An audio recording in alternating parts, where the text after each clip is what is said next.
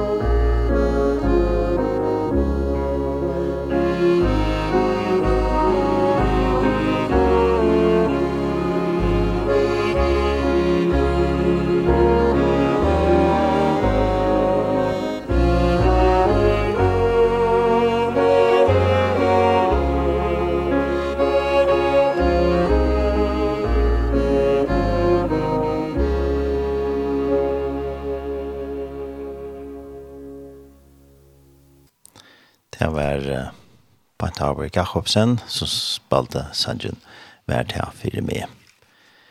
Her er Udorsson i det, er tar Ernest Havsen, og til oss etter morgensendingen og morgen av skjei.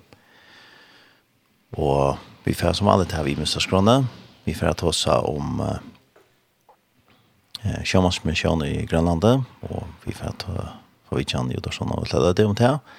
Og så får jeg da høre om kommer møter som er det vikskiftet til bæg heima med Sjønnes Skiva 4 og brød Ankermann som Skiva 4 møter i Vitskiften og vi da Vida Kjei for Østnett senda beinleis fra møtene som er i Vitskiften.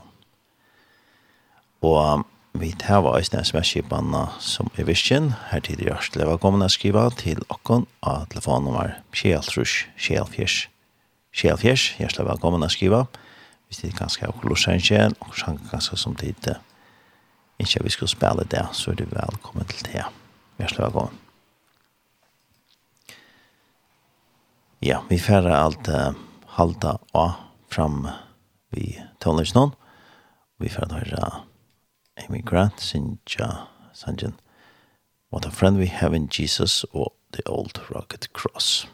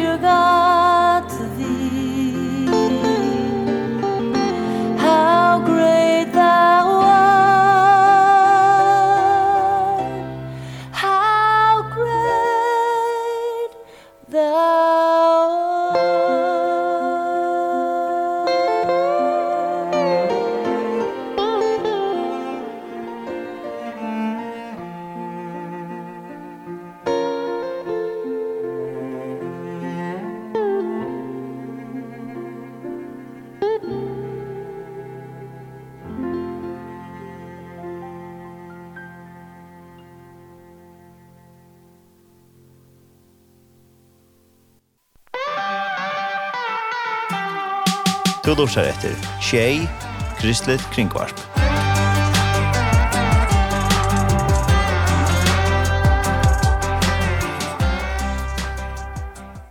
Det var Emigrant som sang Sanjim What a Friend We Have in Jesus og The Old Rocked Cross. Og som sagt så norsk du etter morgen sann det morgon av tjei og vi vet som alt har vi med oss i dag vi tar så finnes gest i Udorsona, og til Nanna Schulz Hansen. Velkommen i vår studie her. Mange tak. CO Radio. Mange tak skal du have. Og det er dejligt, at du kunne komme. Og uh, du kommer til at uh, fortælle om et uh, stykke arbejde, som uh, du er med i. Og det er Sømandsmissionen. Ja, jeg arbejder for den danske Sømandsmission.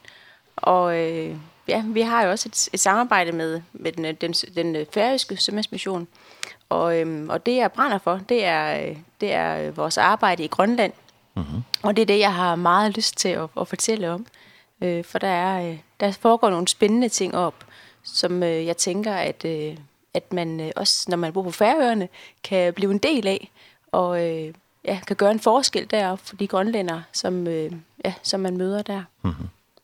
Øh, hvordan er du kommet ind i det her arbejde med Simmers Mission? Jamen, jeg har faktisk selv arbejdet i Grønland på sømandshjemmet i Sisimiut, øh, hvor min mand og jeg var, øh, var ledere, bestyrer på, øh, på sømandshjemmet der. Og det gjorde en stor forskel for mig. Øh, det gjorde en forskel på den måde, at jeg øh, oplevede, at jeg blev brugt af Gud, at jeg øh, blev ført af ham, øh, og at jeg også på, det, på den måde kunne gøre en forskel for, øh, for de mennesker, som, som jeg mødte. Øhm, også i kraft af at, at kunne lave en ramme øh, på sømandshjemmet, som, en, som, ja, som, som et kristent, øh, kristent sted, en kristen arbejdsplads, sådan så, øh, sådan så de unge mennesker, som, øh, som vi arbejdede sammen med deroppe, øh, mm -hmm. de danske unge, de havde mulighed for at, ja, for at og gå ud i byen og, og fortælle om det, som de troede på.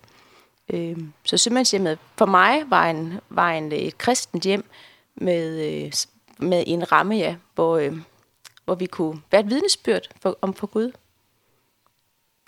Og uh, hvordan kom I så i det arbejde? Jamen det gjorde vi jo øh, ved at, at søge Sømandsmissionen i Danmark. Mm. Vi havde fulgt med på, øh, på på hjemmesiden og på de annoncer som de sendte ud i, i bladene mm -hmm. og øh, og faktisk først i anden omgang øh, øh, Gud prikkede os på på skulderen flere gange og øh, og der oplevede vi at vi vi anden gang øh, fik fik hul igennem og og øh, og blev kaldet til at tage til Grønland. Ehm Og det gjorde, har gjort en stor forskel for os som familie. Vi havde vores, vores piger med, som var små dengang. To og tre år var de, da vi rejste til Grønland. Og, ehm og det gjorde en stor fæl, fæl, forskel for os som familie også, fordi vi, øh, ja, fordi vi, vi sådan var, var fælles om den opgave, og fordi vi, vi øh, selv kunne, selv kunne, kunne, øh, kunne, kunne lave en ramme omkring vores hverdag med, med det indhold, som vi havde lyst til. Så vi kunne tegne sømandshjemmet øh, i den retning, som vi kunne tænke os. Mm ja. Og det må være en helt anderledes at flytte fra Danmark øh, til Grønland. Ja, det var meget anderledes. Øh, det var spændende på mange måder. Øh, øh, også udfordrende. Vi oplevede en helt anden kultur, Ehm øh, som vi jo ja, på mange måder kan lære noget af. Øh, et øh, tempo, som var noget, et, et, noget helt andet end, end i Danmark. Mm-hmm. Øh, nogle mennesker, som øh, tog hjerteligt imod os. Øh, og også, øh, også en mørk side af Grønland. Vi oplevede, at, at de mennesker har brug for, øh, ja, har brug for at møde Jesus der Vi har brug for, og, og at der er nogen, der tager, tager initiativ og tager ansvar. Øh, så... Øh, børneklubarbejdet og, og, øh, og besøgene nede på havnen, øh, hvor vi... Øh, hvor vi gik på skibsbesøg, betød rigtig meget for de mennesker, som, øh, som var involveret i det. Øh, øh, vi landede jo direkte ned i, ned i den grønlandske kultur, mm -hmm. og, øh, og for selvom Sømandshjemmet er en dansk arbejdsplads, hvor, hvor, man, hvor man taler dansk, så, øh, så er det jo jamen så, så havde vi grønlandske kollegaer og grønlandske medarbejdere, og, og det ja, et, et dejligt fællesskab omkring det. Øh, vores daglige andagt øh, sammen med alle dem, der var på arbejde, øh, var jo bare en, en rigtig god mulighed til at få, få snakket en lille smule om det, vi troede på, også med vores, vores kollegaer, øh, med medarbejderne der. Øh, og også sætte nogle, nogle små frø i deres hjerter. Øh, men vi... Øh, vi, vi var langt omkring i byen. Vores primære, besøgsmissions primære øh, formål, det er jo, det er jo søfolk og fiskere.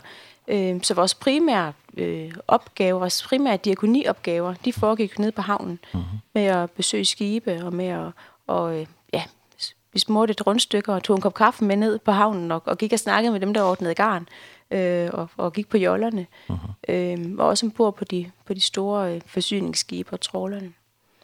Øhm, og derfor at skabe relationer til... For at skabe relationer til dem, og for at invitere dem op på sømandshjemmet, ikke også? Øh, ja, til en, en kop kaffe, og, få den relation til dem, sådan så at, at, at øh, de også på, ja, på de svære dage ved, hvor, hvor de kan henvende sig, at Gud han er, øh, han er også er hos dem. Mm -hmm. øh, ja.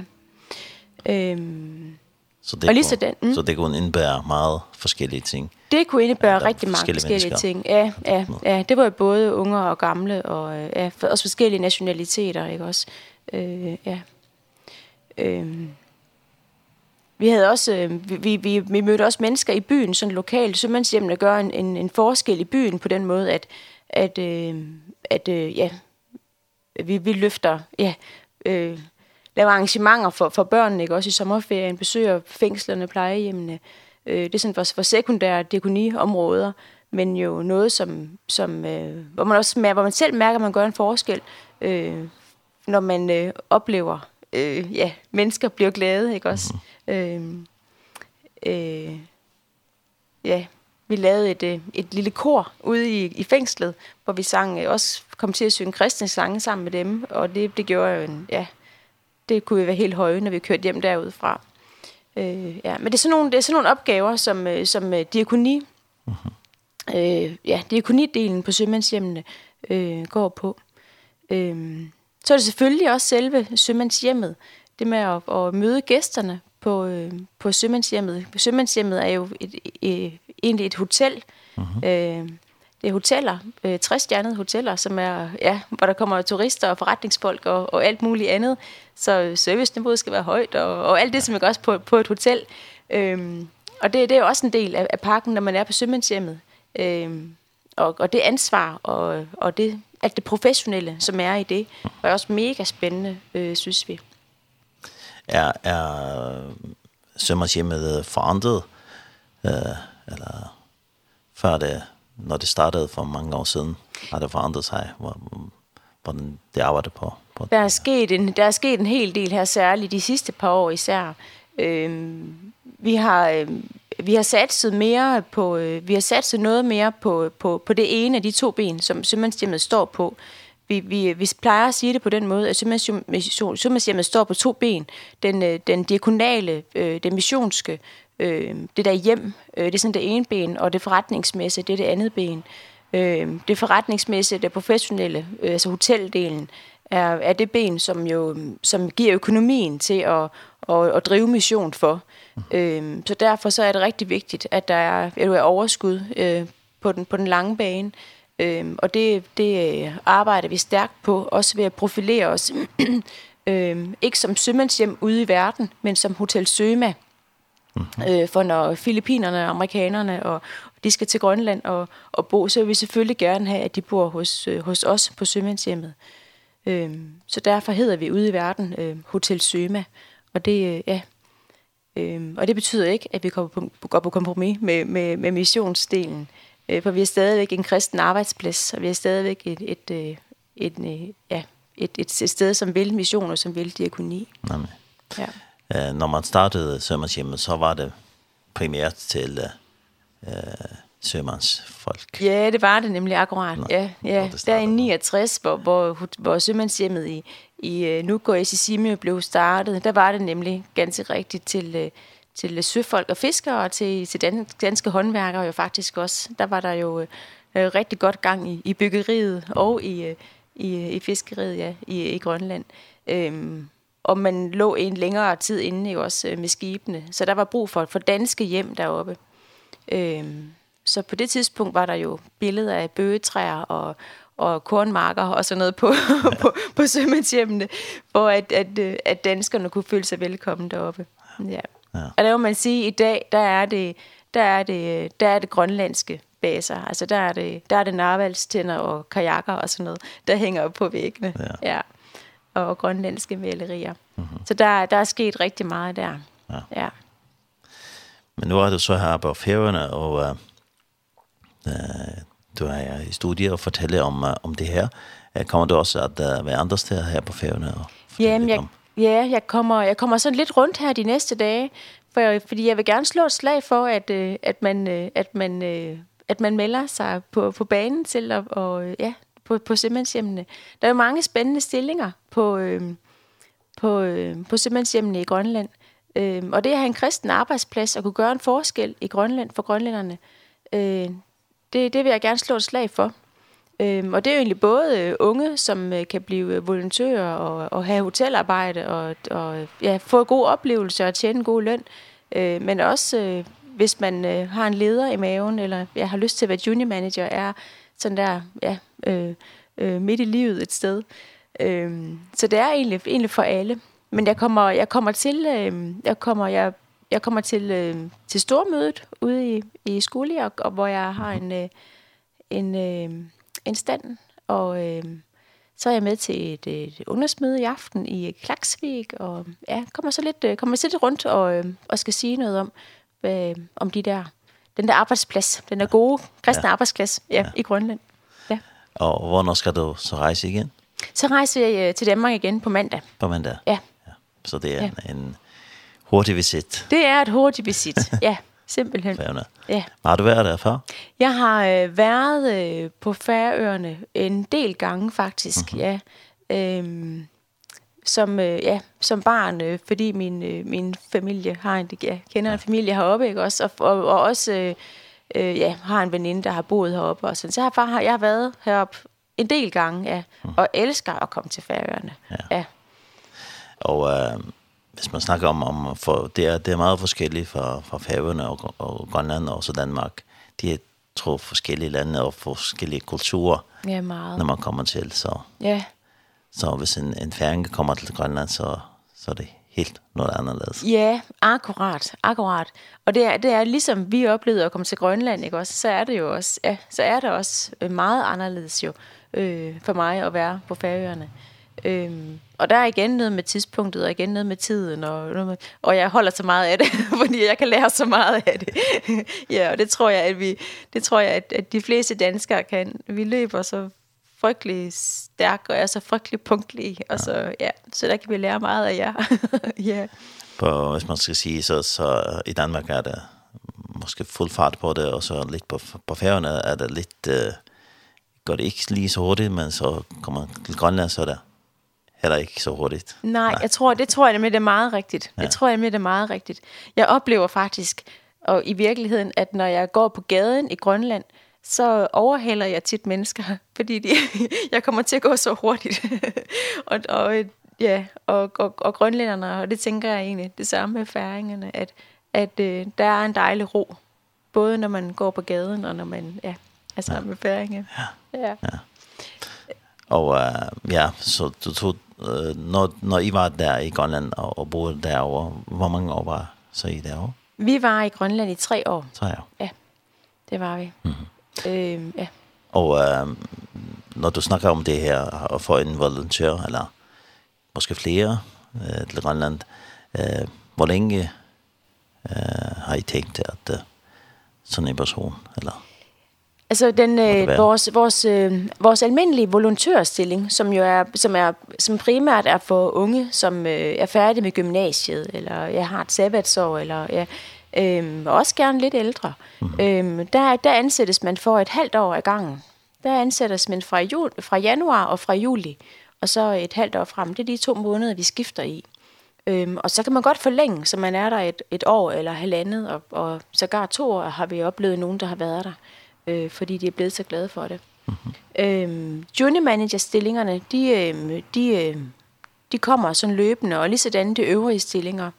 Øhm, og inde på Sømandsmissionens hjemmeside, øhm, www.somandsmissionen, der øh, kan, man finde, øh, kan man finde de stillinger, som er øh, at følge med i, hvis man har interesse i at komme til Grønland. Øh, og der, der vil hele tiden, altså der vil hele tiden være, være stillinger at søge, Ehm ikke mindst hotelassistentstillingerne, som er øh, en øh, som er en stilling hvor man får øh, hvor man øh, ja, har et almindeligt arbejde, ikke? også på sømandshjemmet. Og det er der også mange unge, som, øh, som kommer op og får. Øh, der er kun to volontører på hvert sømandshjem, og, og, øh, men derimod så har, vi, så har vi flere hotelassistenter. Så der er mange unge, som, som, øh, som søger øh, hotelassistentstillinger. Mm. Der kunne vi også godt tænke, så, tænke os at få, øh, få flere unge færinge øh, op som hotelassistenter på, øh, på, øh, på sømandshjemmene. Og... Øh, Og det er bare at gå ind på, på Sømandsmissionens hjemmeside øh, og, øh, og se, hvad, hvad sådan en stilling den indebærer. Det er, ja, det er, øh, det er hotelarbejde, receptionsarbejde og, og stå i caféen og snakke med folk og ja, rydde sne og gøre ren og alle sådan praktiske ting. Ehm og hvis man har lyst, så øh, kan man få et vældig stort ansvar i det. Ehm hvor man øh, jo kan få skrevet en masse gode ting på sit CV og øh, og ikke mindst altså få en masse gode grønlandsoplevelser. Ja. Øh, ja, en tur på hundeslæden eller snescooteren eller ja.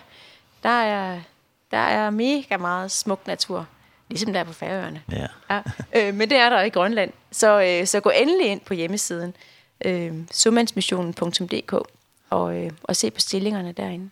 Og hvis man kan lide at arbejde med mennesker så sammen så, mennesker, så er det meget godt. Ja. ja, det er det lige præcis. Ja, det er det lige præcis. For der er mange mennesker at møde øh, på, ja, omkring Sømandshjemmet. Mm. Det er der. Ja. ja. Uh, jeg tror, vi skal uh, lytte til lidt musik, før vi snakker lidt mere. Og uh, du har et ønske om en sang. Og det var Casting Crowns. Ja. Ja. Ja kan du fortælle lidt om det? Jamen, ja. jeg, jeg, jeg, jeg synes, den siger rigtig meget om øh, sådan lige... Øh, hvem, hvem, hvem jeg er. Den hedder Who Am I, ikke også? Og, og, øhm, og jeg synes, at, øhm, at vores samfund i dag, det handler meget om mig, mig, mig, ikke også? Og, og sætter meget, hele tiden mig i fokus. Hvad kan jeg, og hvad, hvad, hvad skal jeg opnå? Og, øhm, og den her sang, den fortæller sådan helt enkelt, at øh, jeg er Guds. I'm yours. Mm-hmm. Øhm, og og det, det er simpelthen så godt at hvile i, at jeg ikke skal leve op til en hel masse, for, øhm, for jeg er bare, jeg er bare Guds, øhm, og han har en plan med mig. Mm-hmm. Ja, vi lytter til den. Hvor mig med Cassie Grounds.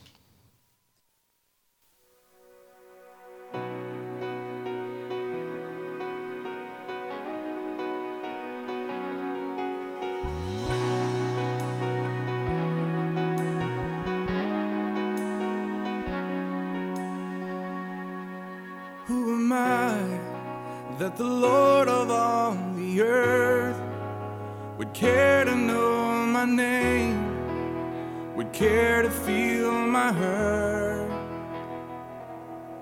Who am I That the bright and morning star Would choose to light the way For my ever Not because of who I am But because of what you've done. Not because of what I've done But because of who you are.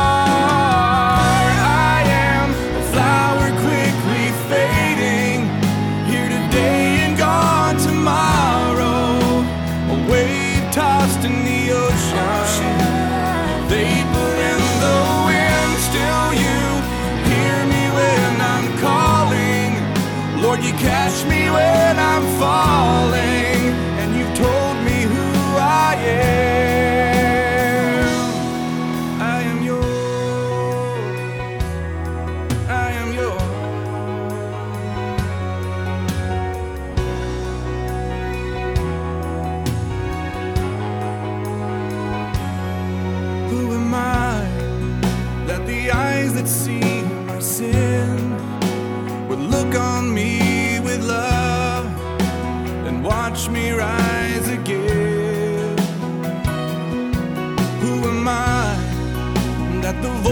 call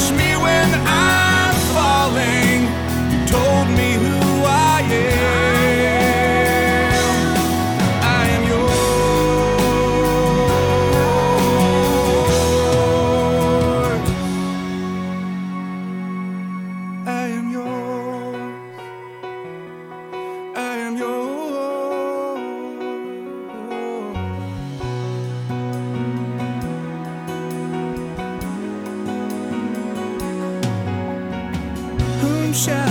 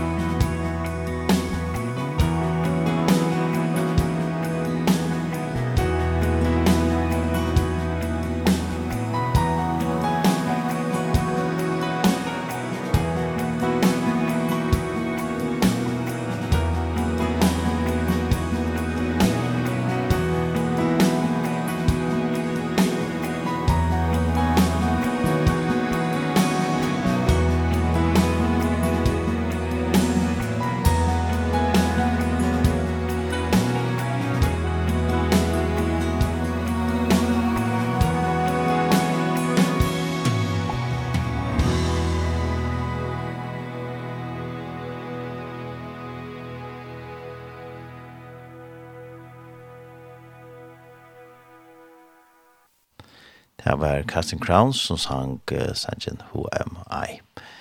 Og vi tar var vidtjan her i Udorsåne, og det er Nanna Kjolz Hansen som arbeider vi uh, sjømannsmisjonen i, i Danmark, og Østen vi til som er i Grønland. Eh, ja, nå har du fortalt uh, litt om uh, hvordan uh, det var for jeg at uh, reise det opp, uh, og jeg var der i tre år. Og uh, når man er på Grønland, så kommer man meget tæt uh, på naturen.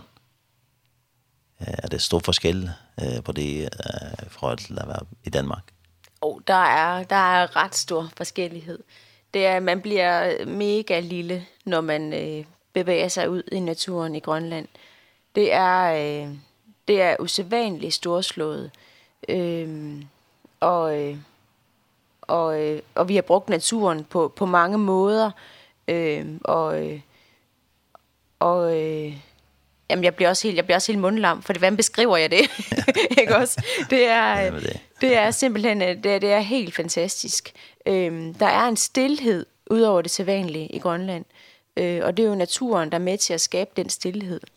Der er ingen øh, der er ingen træer der visler. Øh, der er masser af biler inde i byerne, Men bevæger man sig bare en lille smule udenfor, så er der ingen træer, der visler. Der er, ingen, der er ingenting. Øhm, og, øh, og de høje fjelle og, og sneen især øh, er, ja, er så storslået. Mm -hmm. øhm, vi brugte meget at vandre i, øh, i, i fjellene. Nogle, nogle gode vandreture. Øhm, havde en lille båd, så vi kunne sejle lidt ud øh, for noget af noget af den det noget af, af virkeligheden ved at være i Grønland, det er jo også at man at man ikke sådan lige kan køre fra by til by, men at man også er isoleret øh, der hvor man er. Så øh, så vi rent faktisk havde brug for at komme ud og se nogle andre øh, nogle andre virkeligheder, se nogle andre hjørner. Øh, så det er lige at kunne kunne sejle ud øh, af havnen og og og rundt om pynten. Det gjorde faktisk at øh, at man sådan lige øh, kunne, kunne få energi igen, og kunne, øh, kunne få fyldt på, ikke også? Ja. Og lige så vel, når man begav sig ud i baglandet, ud i naturen, øh, væk fra, fra de gadehjørner inde i byen, som man kendte så godt, mm-hmm. øh, så, så giver det bare øh, rigtig meget. Og det, det brugte vi meget naturen til. Og, øh, og øh, ja, og, og få energi og, øh, ja, og, og nyde den der stillhed, mm-hmm. som, øh, som er derude. Ja. Var I så mest i Nuuk, eller var i forskellige steder? Men vi var mest, vi brugte mest baglandet omkring Sisimiut, hvor vi boede. Mm -hmm. øh, omkring Sisimiut, der er der, mm -hmm. der er der meget bagland sådan ind i landet, faktisk helt ind til Gangerslusvak. Mm -hmm. øh, Gangerslusvak og Sisimiut er de to byer, som ligger sådan tættest på hinanden og er mest tilgængelige i forhold til hinanden øh, i Grønland. Øhm, så der er der er, er masser af, af tilgængelighed den vej ind. Øhm, så øhm, så det var den vej ind vi vi tog turen på på snescooter og, mm. og og på slæde, når vi når vi sådan skulle ud ja. øh, på oplevelser. Ja. ja. Så var det der så var det den vej ind af. Ja, så det meste i, i Sisimiut. Det var mest i Sisimiut, ja. fordi det var der vi boede. Ja. ja. Vi var også i Sydgrønland og øh, og, og besøg dernede, og der der øh, der snakkede vi meget om at øh, at det ligner meget Færøerne. øh, bjergene var knap så var, var knap så høje, fjellene var knap så høje.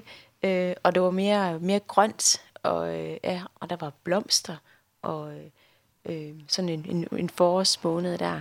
Øh, skønt, skønt. Øh, og det er fantastisk. Grønland er så kolo enormt stor, så der er så stor forskel ja, på, helt, helt fra nord til ja. syd. Ja. ja. Så, øh, så øh, jo, der er, der er rigtig meget natur at komme efter. Og i Asien, der, øh, der, ja, der, der sejler de jo meget. Der har de der har de i fjorden, ikke også? Øh, ja, og endnu mere nede i Nuuk øh, er der jo et fjordsystem, øh, som, er, ja, som er meget, meget stort, som, øh, ja, som jo lægger op til en masse sejlads. Øh, ja. Asiat, øh, hvor der også er et sømandshjem, øh, der øh, ligger på en, det er en, det er en ø. Øh, Asiat ligger på en ø, så, så der, der er man jo begrænset af, øh, hvis ikke man har en båd, ikke også? Mm-hmm. Øh, og, når, og når storisen så lægger sig, så har man uanede muligheder. Øh, så kan man gå sig til rette hen over isen, og ja, på snescooteren og på hundesleden. Øh, så der er så stor forskel. Vi har sømandshjem i, i, i Asjad og i Sisimiut og i Nuuk, og et hotel i Ilulissat. Mm-hmm. Øhm, så det er sådan de det er de byer jeg kender bedst. Øh, det er de det er de største byer, ikke også i Grønland.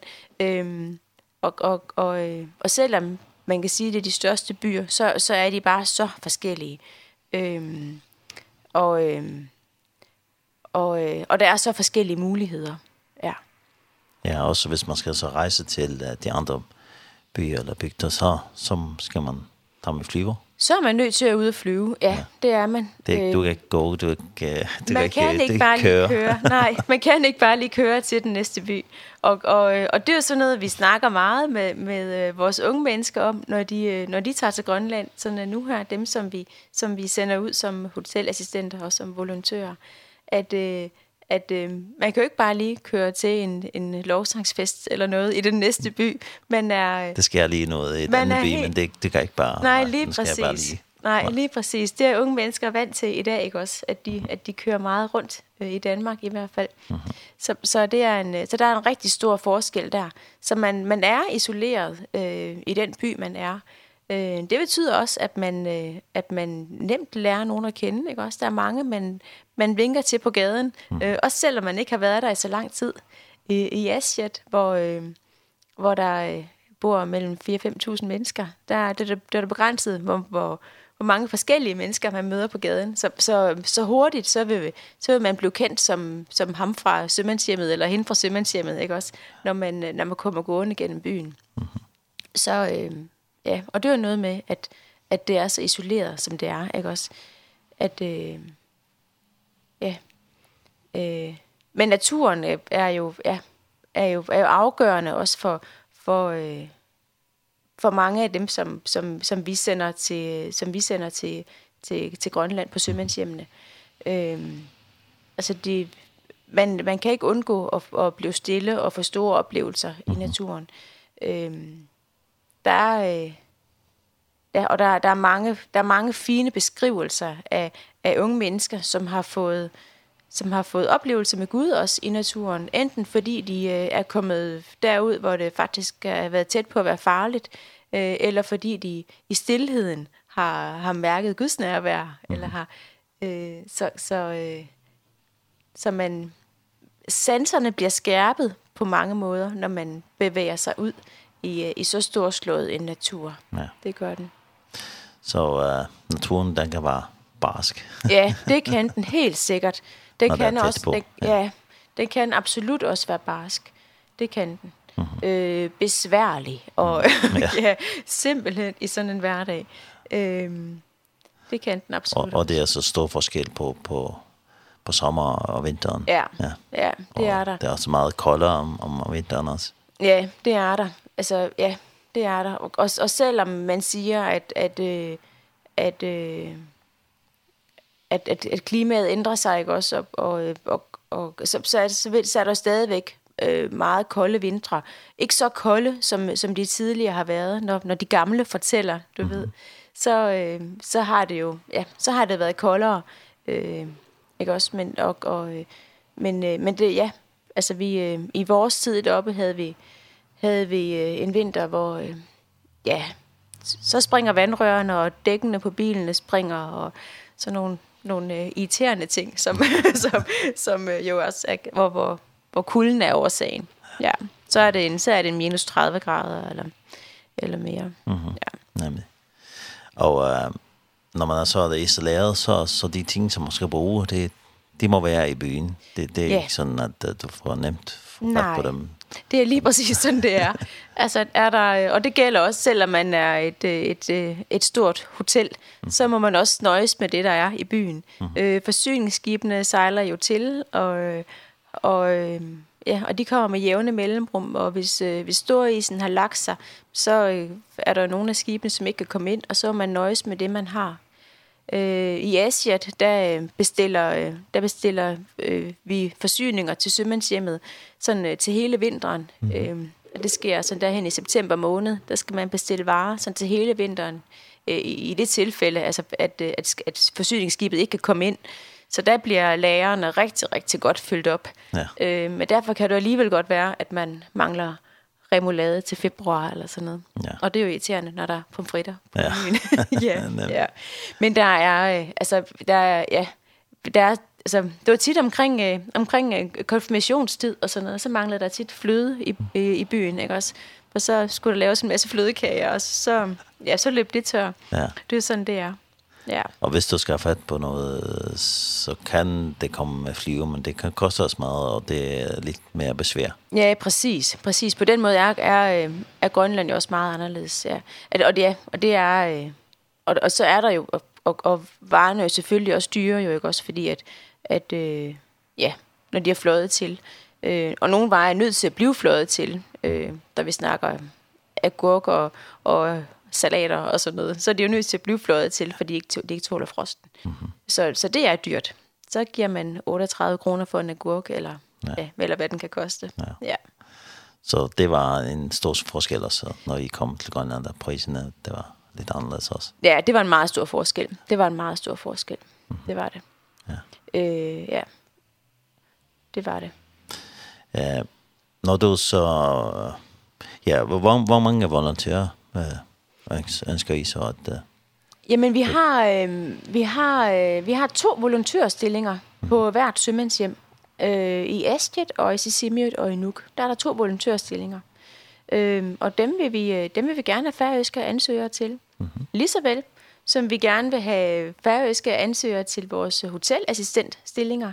Øhm, og, øh, og dem har vi øh, to-tre stykker af øh, i, øh, i, på alle fire steder faktisk. Der kan man også komme til Ilulissat mm -hmm. som, øh, som hotelassistent.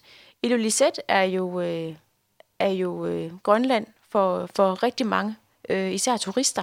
Det er jo Grønland Isfjorden er, og, og øh, hvor, ja, hvor, øh, hvor, hvor bræerne øh, kælver, ikke også? Øh, så der, der, der er hvis ikke, måske er det, måske er det Grønlands smukkeste sted. Det kan man altid diskutere. Men, det er, men, men, men i Ilulissat, der, der, der kan man også, der kan man også komme op som hotelassistent.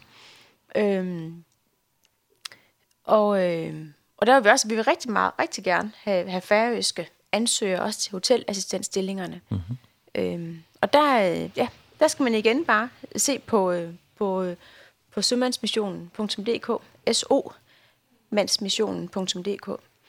Øhm, lige nu, når vi nu snakker Elisette, så mangler vi faktisk også en, øh, en, øh, der er en stilling ledig som, øh, som vært, som, øh, som øh, sådan daglig leder øh, op i Elisette. Og den er ledig fra 15. januar. Øh, så øh, har man en lille leder i maven, øh, så, øh, og har lyst til at være hotellets ansigt udadtil og, og, øh, og møde gæsterne med, med den service og med, med øh, ja, med med god varme, så så så er det måske en en en en, en stilling man kan søge. Mm-hmm. Og det handler om og det er noget administration, ikke også, og det er noget og det er også nogle praktiske i forhold til til til morgenmad og rengøring og og og transfer af, af hotelgæster og sådan noget. Men det er primært det er primært det at være hotellets ansigt udad til og være og leder for de der der er en 2 3 4 medarbejdere øh, på hotellet i Lulisset. Ehm Så den, den, er stilling fra, den, er, den er ledet, den stilling fra 15. januar. Lige så den har vi fra 1. februar øh, ledige stillinger i Lulisette som junior manager. Øhm, og det er, øh, det er en stilling, hvor man også har noget administration, men hvor man ikke har lederansvaret. Øh, men der, der, der er et fint samarbejde der mellem vært og junior manager. Men det er fra 1. februar, man kan søge en stilling i Lulisette på sømandshjemmet der.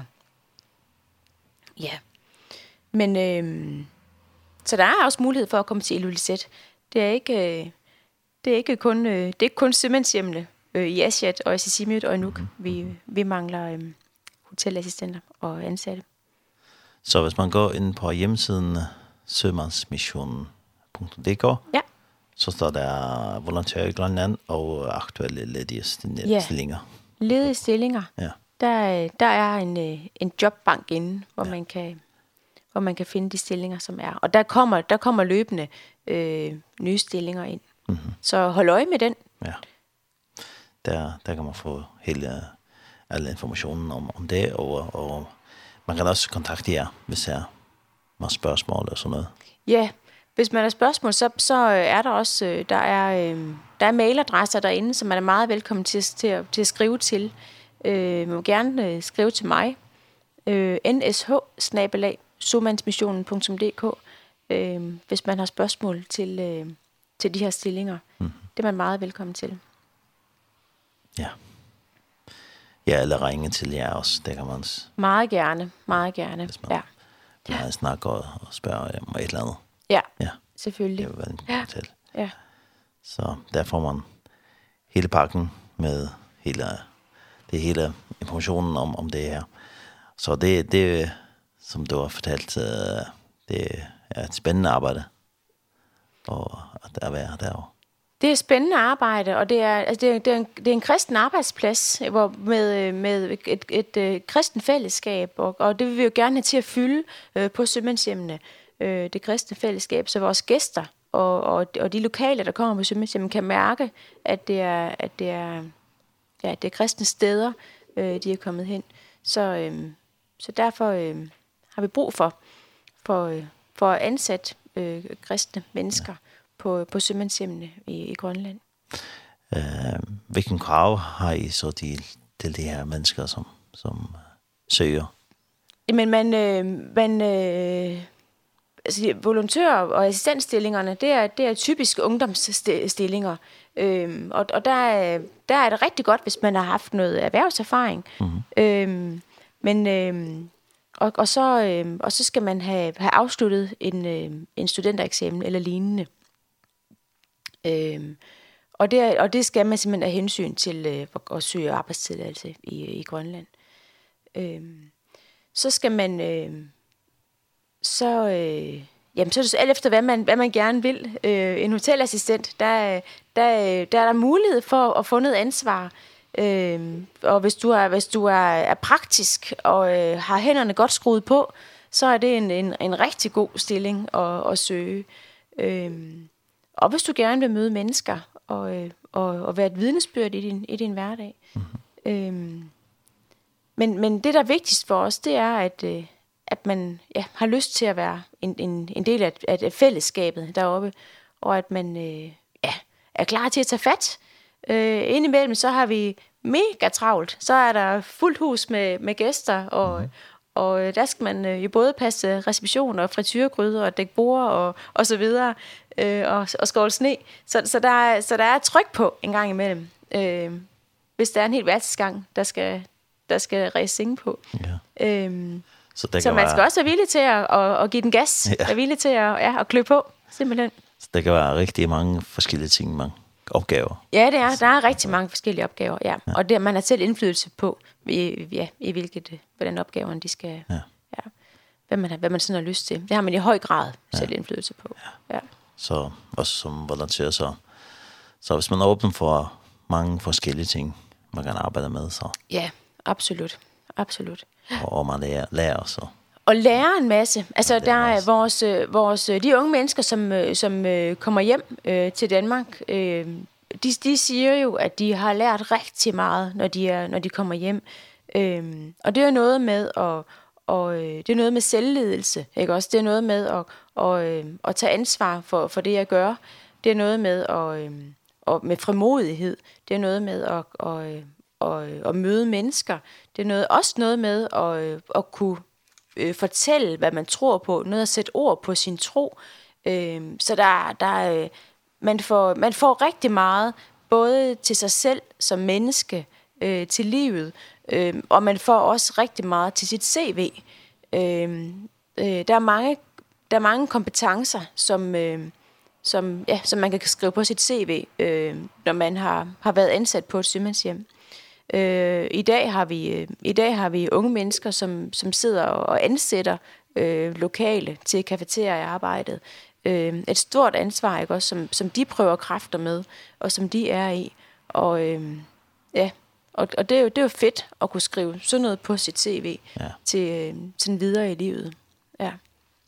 Så man bliver måske meget forandret også, fordi du har oplevet så meget forskellige ting og står og prøver så, så mange forskellige ting.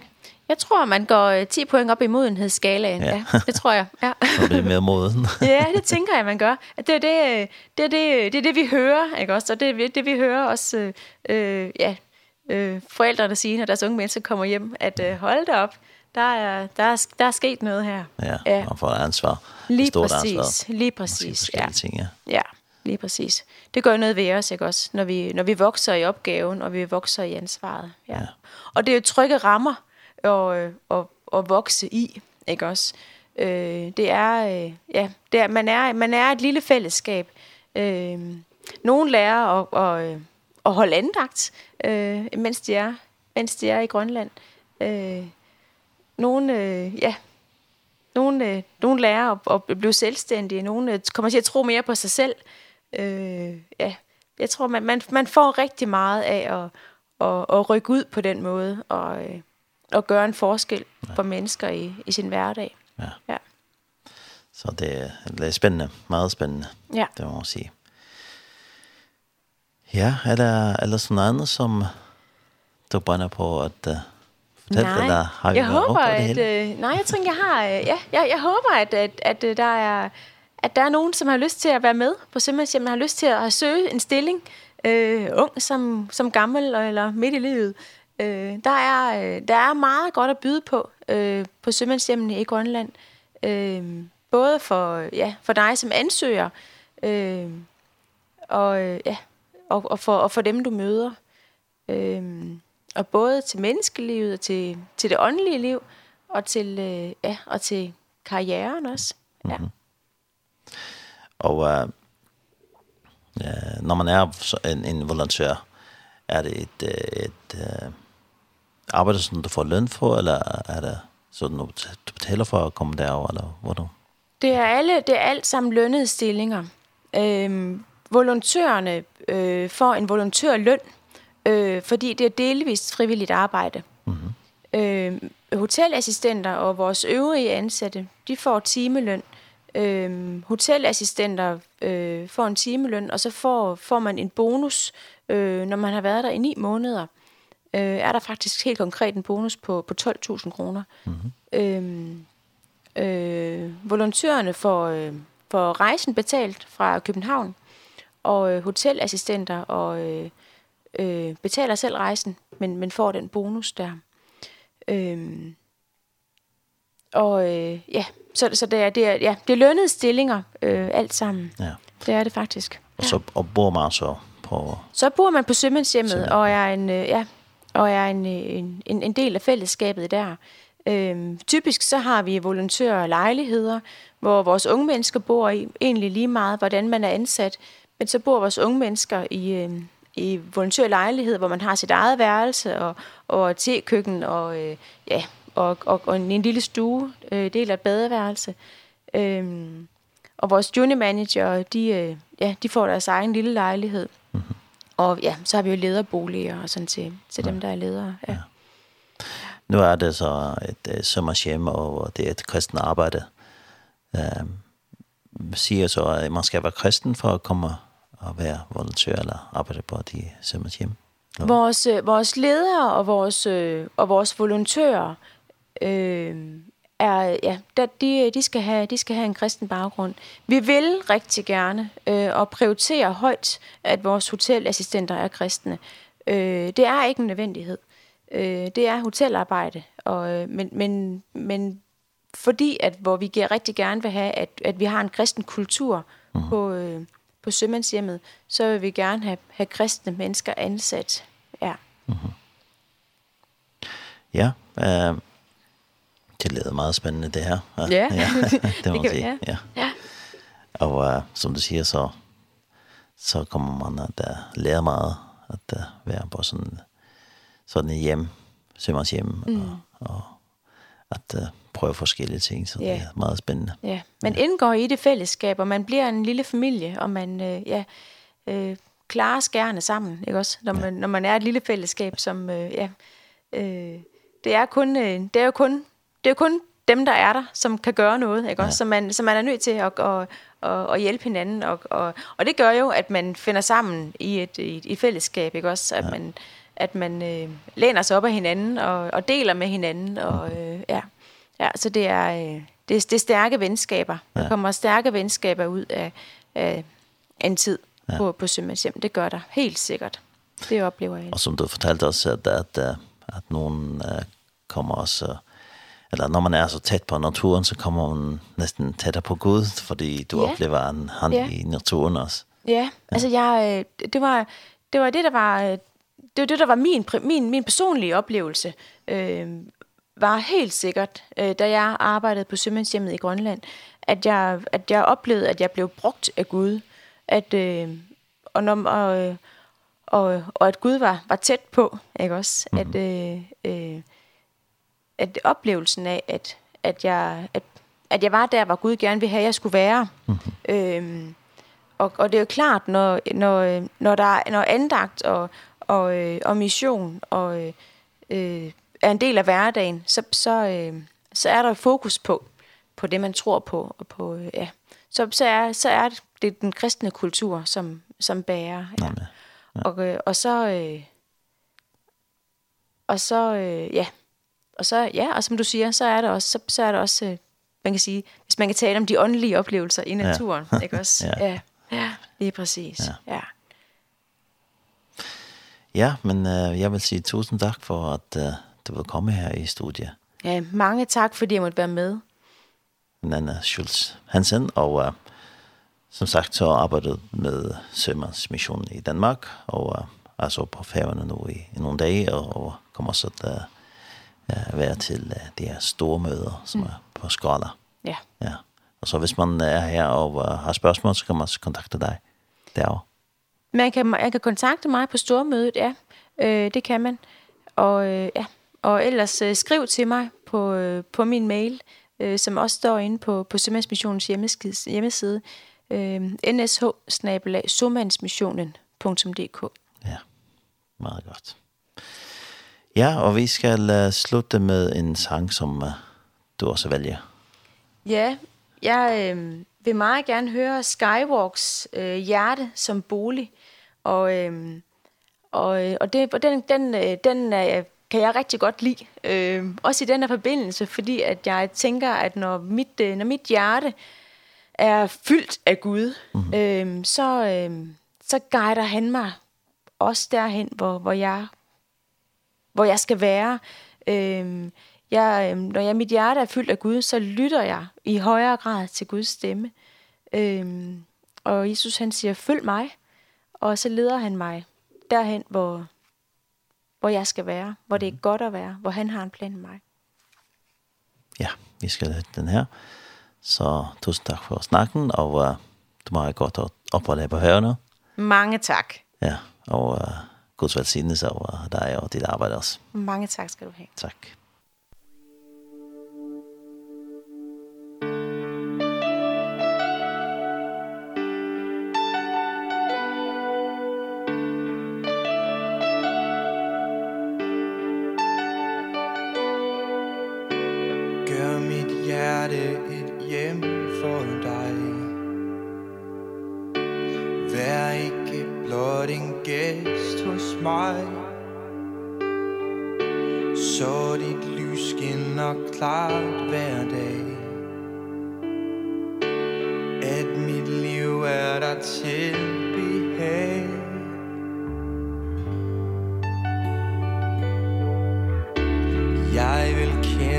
til dig mere og mere Ikke nøjes med hvor jeg er. Kende mere til din herlighed. At dit nærvær det varer ved. Og jeg ved at du elsker mig.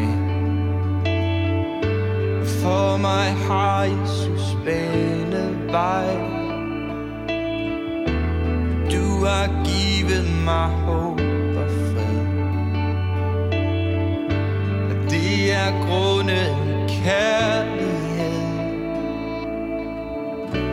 Evigt lovsangen bliver ved. Og jeg ved engle synger med. Hellig hellig, hellig er du. Almægtig Gud Tag mit hjerte som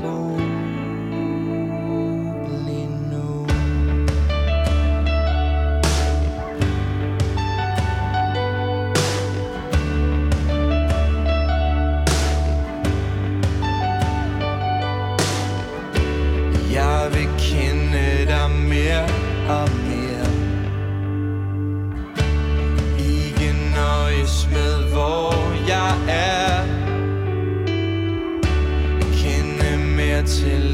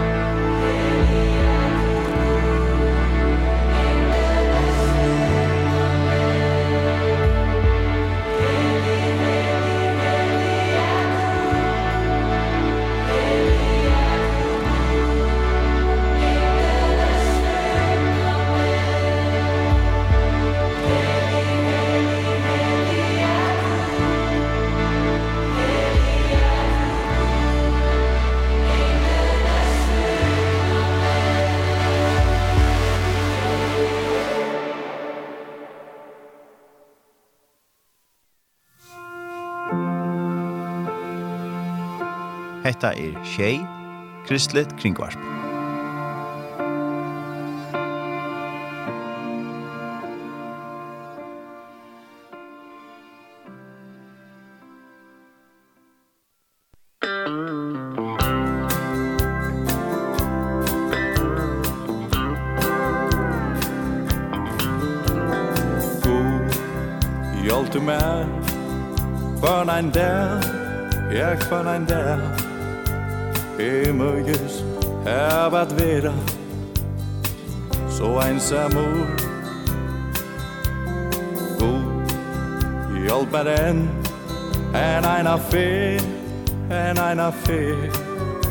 Tu je veit, her du i mer sjolvun, e ongi kan.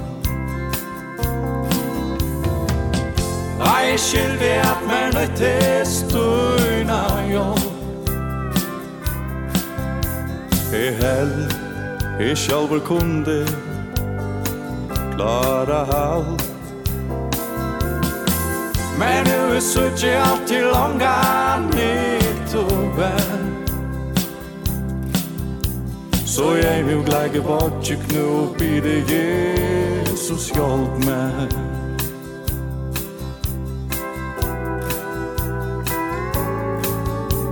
Kom nyer av tunnen hatten god Til mor, ja til mor Jeg veit at mer tarva Tunna stærsko hånd.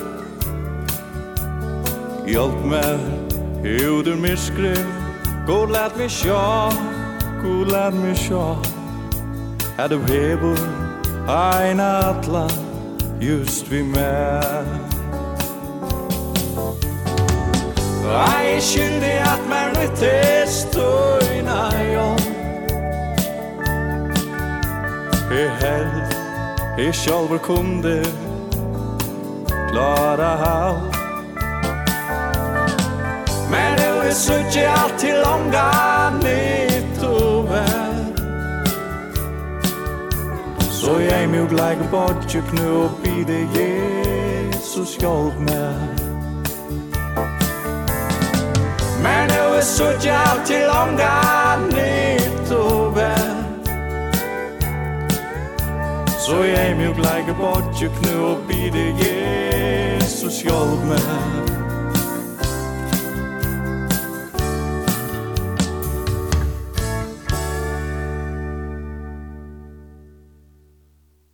MC Restorff. Vi sa ikke noen, der finnes det en vøvn.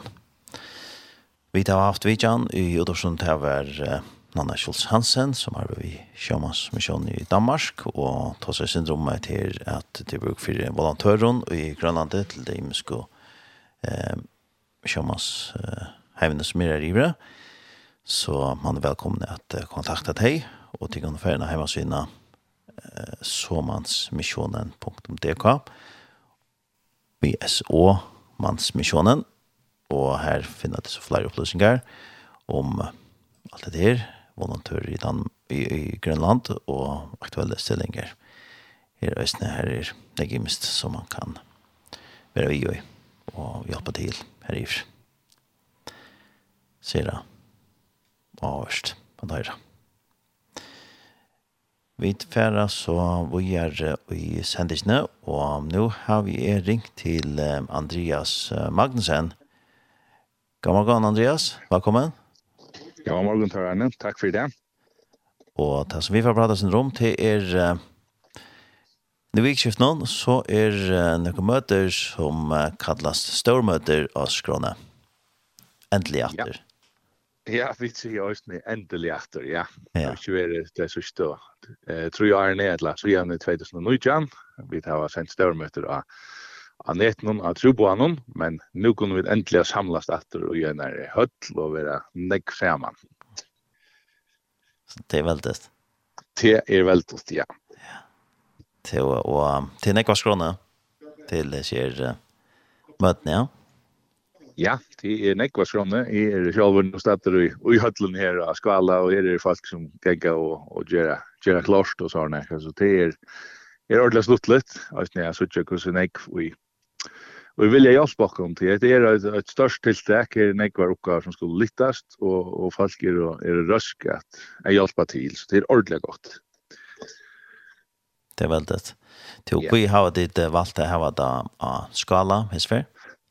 Ja, det er faktisk en, en, en, det ble fastlagt for, ja, nå er det sikkert nok som jeg var etter håndene, at størmøttene køyre opp av skift, så løsner at det er jo tre kvart år i Estrødene, og tre kvart år i Havn, og så er jo hver jeg fer til, at det ble så satt av hvert år, er det skiftevis i, i Vavon og i Klaksvik.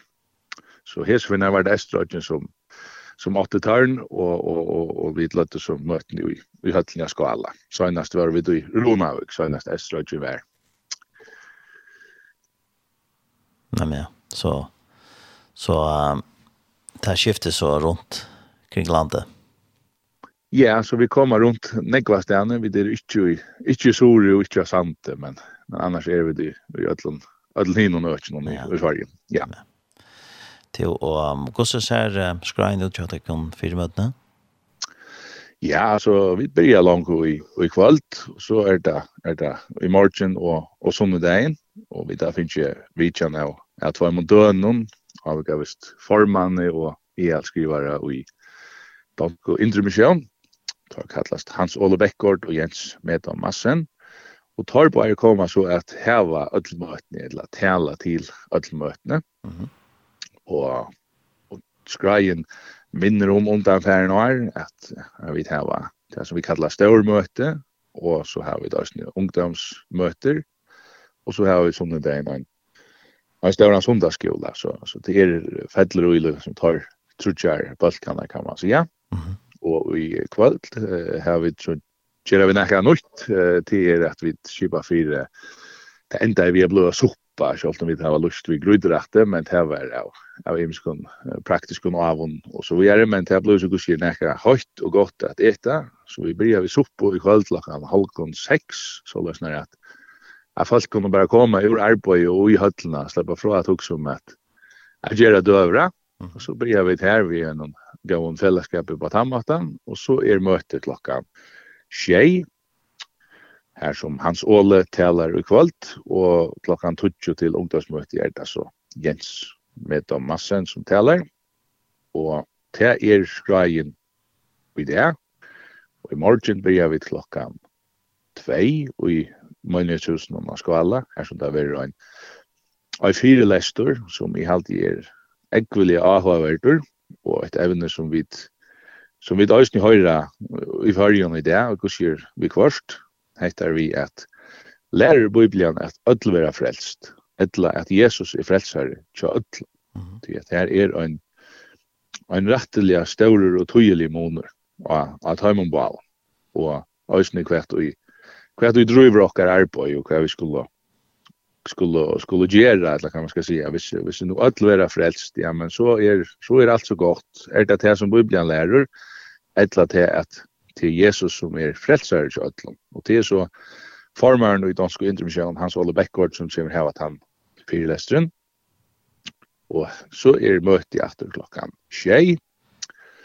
Og høves iverskriften, henne skal jeg si Arne for og er i skrånne til er, vi har sett som høves iverskrift fyrir i alt vikeskiftet, årt loiv, tvår veier. Og det er etter perspektivet at vi lever her og nå, årt loiv, og alt det som møter oss her, som ösnen kan ja, ofta kan upptäcka oss så nej kan jag också vittna om själv at man kan missa missa perspektivet och och det är vi det er flera synder i bakgrunden tror jag att att vi kanske blir så upptagen ettla möta några motgångt ettla kvart är att att här vill jag vet säga vi lever nu et liv men att en där ändrar detta livet og Bibelen er rettelig grøy og sin er tale, at ta bojar fyri okkun öll og et evigt liv, anten saman vi god i allar ever, etla borster fra honom i allar ever, og til er så tar tvor veginer. Så ett liv, tvor veger. Ja. Ja.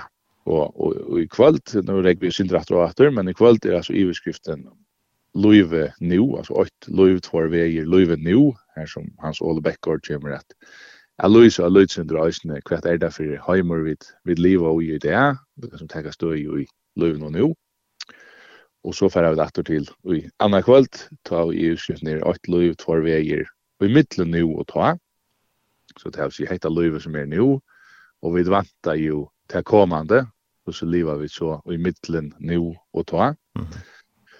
Og i andre kvöld, og i midtelen ber jeg møtene verer østene, det som vi har haft i flere år, Expo, det er nekker basar her som grøynar til okkun, arbeidsgrøynar til okkun, og fellesskaper som vi samstarva vi, kom at heva, heva en bas, så løsner jeg folk kom og færre iver og holdt seg på at og, og spyrja og, og prata og hva det er. Det er mittlen til fyrra møte, og så ungdomsmøte som er klokkan 20. Mm -hmm. Og det ungdomsmøte hever Jens med om massen, og eh, evne ta er et løy tvar veier, et kall vi avløying om. Og så kommer vi fram til, sånn en ta her ut en stauran sundagsskola som vi kallar for Simpa Hitt, og ta er det en som heter Rosa Danielsen, som er et år, og så synker kåre fra sangfagnen og ta kåret hever omkant i å være så størst som i år, vi vi krosst og allt inn så kom det inn i vi lever jo så altså jeg har hatt det en sølsen så var vi skipa for sangfagna er og til det ikke var fullt tegna og på 4-5 minutter altså så var så var ikke mer plass men så tog vi sånn jeg inn av bojelista som vi iver har konto og enda opp ja en, en 104 det mann i det var. Så det kommer et størst kaur vi nekk og badnona synsja til enda sundagsskolan det en klokkan 3 Og så er så det søgneste møtet sunnedagen klokken 6. Og i midtlet heipet i møtene er er det en bit jeg få, så her pjørst helt ønsken at jeg færre høyme eller genga svengur tann dagen, vi får brei ta i middelen her spør i møtene. Og det sørste møtet er så, som sagt, sånne kveld til klokkan 6, ta og Jens Meta Massen taler, og evne er ta 8 løyv, 2 veier, og så er det tar 2 møvløkene, eller tar 2 veier, tar vi kommer til, det er vi. Ja, ja. Så nekk vi i mista av skrannet, kan man säga, og en uh, velpakka skra, og i sin tid legger større den til at, at det var fellesskap. Det er et avgjørst, ja. Så at her er det familier, altså bøtten og vaksen, ødler og velkommen, og her er det her er tiltak for tiltøk for bøttene.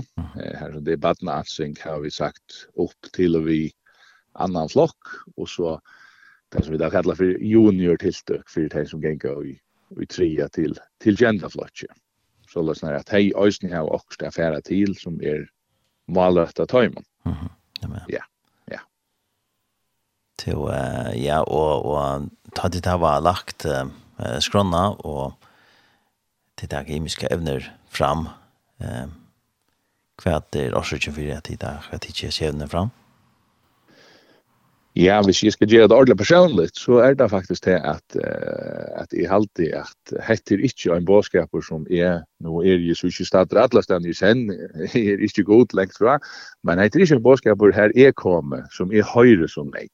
Mm -hmm. Jeg helt med høyre, halte med høyre, har hørt han høyre da jeg var baden, hvordan vi i alvarsligt liv er, og, og ta gamle mennene skjøtt og alt møveligt, er, er billetten i leie, og, og ta høyt og imiske sånne ventingar, og tar var rettelig tydelig i sånne vittnesbord om at, at, at, at tror du er Jesus, så er du frelstur, tror du ikke er Jesus, ja, så gledes du, det som Bibelen lærer, og Og det er ikke en boskap som jeg halt eh skönlig i det som som han var ta och och jag tycker ta i över batten så så helt det bara varit uppåter uppåter Moira hvis vi så färra hundra år att ta in att ta i hemma med Sjön och Birger så där boy. Mhm.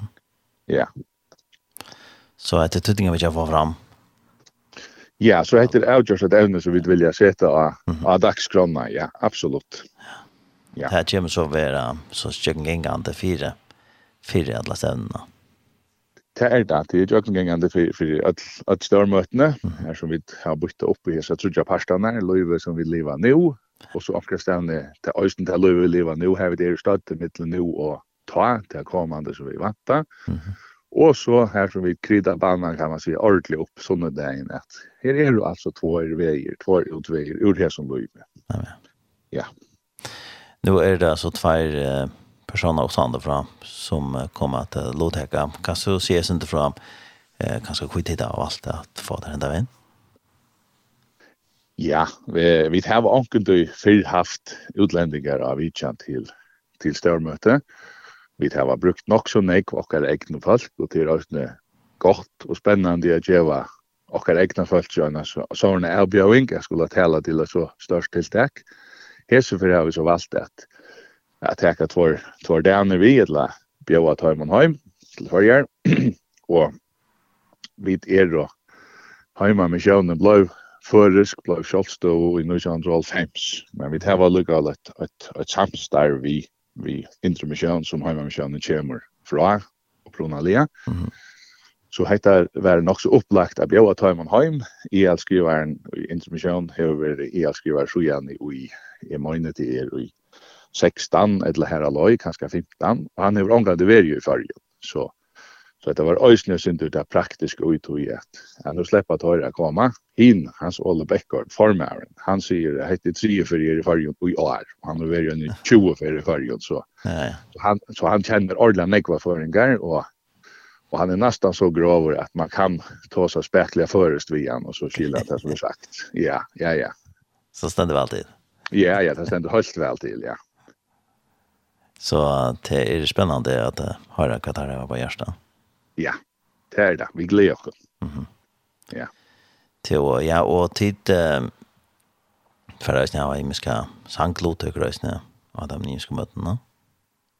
Ja, det er, det er alltid nekko sangur, og det er alltid fyllt nekko i, i Heimansjøen, etter at jeg synes og, og det er, altså, att lotteka av en möte så så är sjankur en pastor. Det kan vara pastorn alltså. Här här lotteka är ösnen som som han som kommer av möte, ja. Mm. Och så och så är det gå fälla sjankur och skranne och så är det ösnen näkar näkar sank framförsle. Och i och i kväll där det en en solister och i andra kväll där det kanske mer en en balkur i haltet här kanskje er en en, en tutsch jenter eller här alloy såna unga jenter og så sunne kväll er är det bæði eitt eitt kaur og ein solister. Så det er nekv, nekv sangur av skrann. Ja, og eisne til ungdomsmøtene. Det her her er vi røstene, Lodaka Sanja. Det passer til bæði ungdomsmøtene i røstene sangframførsler, og, og her er det nok uh, møyra sånne som vi kallar lovsangsløter røstene til å si man synker fløyre sanger sammanhengade. Det er veldig nok røstene til ungdomsløtene, ja. Nei, men. Ja. Ja, du nevnte det her om, om, om til Simba hit, så fikk høre fra sangfagnen eller att låta det till det var ett störst upplevelse att höra dig sinja Sonic Button. Ja, jeg jag glömmer ordentligt att jag Button är så härligt, det är så ærlig og snett, det är utstrål ordentligt glädje att det jeg om, om Jesus og det er så stortligt og det gera gera tecken til sanjnar och så där. Så det är det är spännande och stortligt att så tjus ger kanska kanska upp emot 140 button av scenen i samstundes så syns jag. Det det glömmer jag ordentligt ordentligt. Ja, det är väl. Ja. Ja. Spännande. Till ja och öll kunde komma. Öll är du hjärtliga välkommen. Vi stannar inte i gången och checka kvar det är då. De skulle bara komma in och finna sig ett av plats och vånande føla det sig väl så det kommer här i, i höllna skvala. Ja, och ja. här är gott plats. Vi tänker vart. Her er godt plass. Vi har sett støvlar opp nå, og vi vilja ikke fyllt høllene i kvöld. Vi vilja at folk uh, sida kanskje syndumara samla heldre enn at de sprøyes i alle stedene. Så uh, leslig talt så har vi plass for en, en 600 folk i kvöld, og, og det strandar ikke at vi har minst 300 eika støvlar, så det har vi bare smekke opp i stedene eget. Ja, ja, det er kjøtt å sette flere støvlar opp. Ja, det er det, ikke problem. Nei, ja. Ja. Det er og ja, vi her og tjej, vi får eisen senda framøt nå, og ja. akkurat vil beinleis, og ja. så vil akkurat forskåte. Ja. Eh, så det er eisen mulig at heimann som kanskje ikke har mulig å være vi, at um, lusta, og nå vet jeg ikke om tid um, for at senda av trobanen eisen til å ha det gjørst nok til.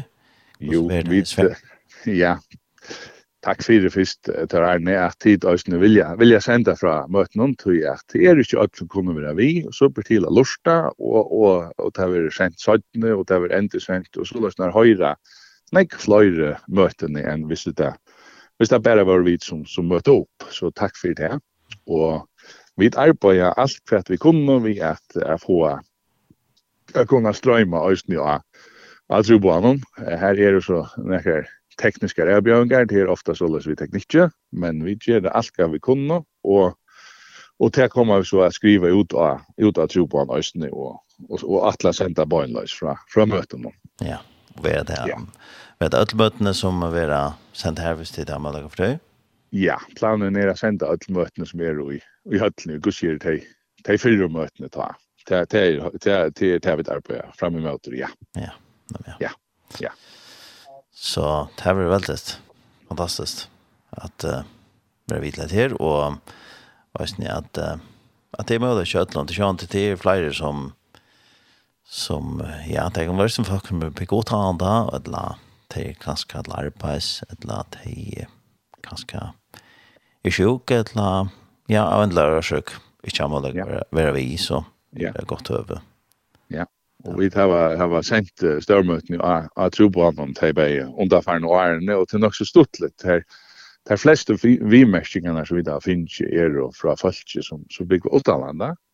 Ja. Og en ta ein som, som altså ein svige og i svøriske som takkar jokken fyrir at vi sendte størmøtene. Hvordan vi kom at uh, kile føres, det var ikke slett ikke, men, men det er bare for at, at understryka at, at i jøgnen hesa rimsku Milan är två boan og i jognon tjej og så vidare. Mhm.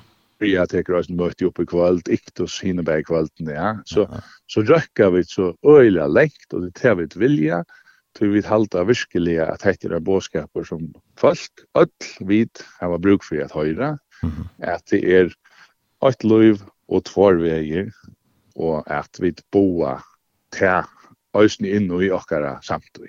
Ja, men ja. Ja, ja. Ja, nu är det just en sån ekor paddlar man kan varspa ut i köknen och folk eller att det är sån ekor möjlighet att, att höjra och, och, och sutja bajonetten och köknen ut och varspa just en så så det är ja ocean warp att det är ja. man måste ändå bruka snäga millar som möjligt. Fått det slängt ut som möjligt. Ja.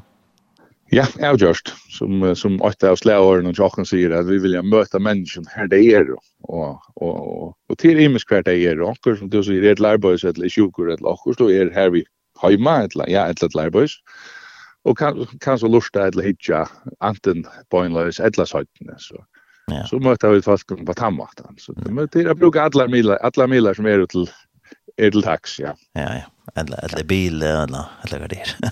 Ja, ösnet här, ja. Så kan kan kan man köra i rush och så lustar man med man köra det är ordentligt gott. Ja. Kanske inte så gott över jag anet med man kör det. Ja, jag är färdig ut vid timer round och här allmänt. Vi vi mellan till hemma. Det är inte. Helst nej. Helst inte. Nej, nej, nej. Till ja, och annars kvar kan man när sjunga skrona för för mötena. Ja, Om du først inn av trobojen.fo, eller troboden.fo, så overast oppe her er en større banner, så som Angemen hadde sagt, you can't miss it, til Sarstan, holdt sikker først du inn av her, klikker du at han banner han, så kommer du inn av en sujo her som ødel skreien sast. Ja, her stender ja. det hele, og her stender ødel skreien, og men ja, vel utgrønne skra, kan man si. Ja, Ja. Ja, er det noe annet som du vil uh, si etter at, uh, Andreas? Ja, jeg husker jeg nevne at, uh, som vi da har haft under ferien år, at uh, vi har et størst bøkabår her, så her er nekver gauer lesnaver som kan få oss til kjøps. Så, så endelig har hittet for å bo i bøkabår i Østene, og kaffe og altså, kaffe og smakkaker, eller skuffekaker er i Østene, at han har alle møtene hetta fyrir at jeg stoler på under fellesskapen.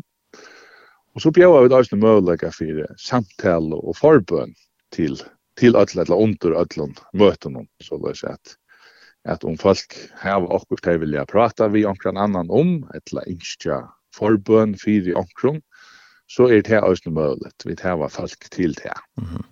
Ja. Ja. ja. Och det är det gott vi en kaffemåne han han eller eller en temåne han han kan bråda flere, flere ut Det er också det är också vi ja det er också vi är standa og prata men hever du så ett land i handen bara du hälter och i ankron så så är näka her, ja altså en kaffemor en temor er det. Ja. Det så ja. så man är som ja man kan inte bara fast det att man man är där för att för fällskapen alltså. Nämligen ja. Ja ja ja. Ja, så det är et ordentlig godt høve, just nu att stäcka av og, og bare være sammen.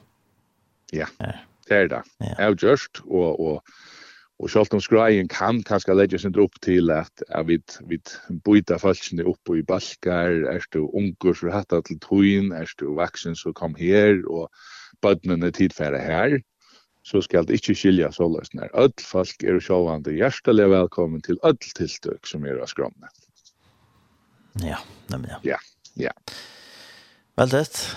Ja. Det er ordentlig spennende, Så ja, vi gleder oss nesten at uh, senda fra någon.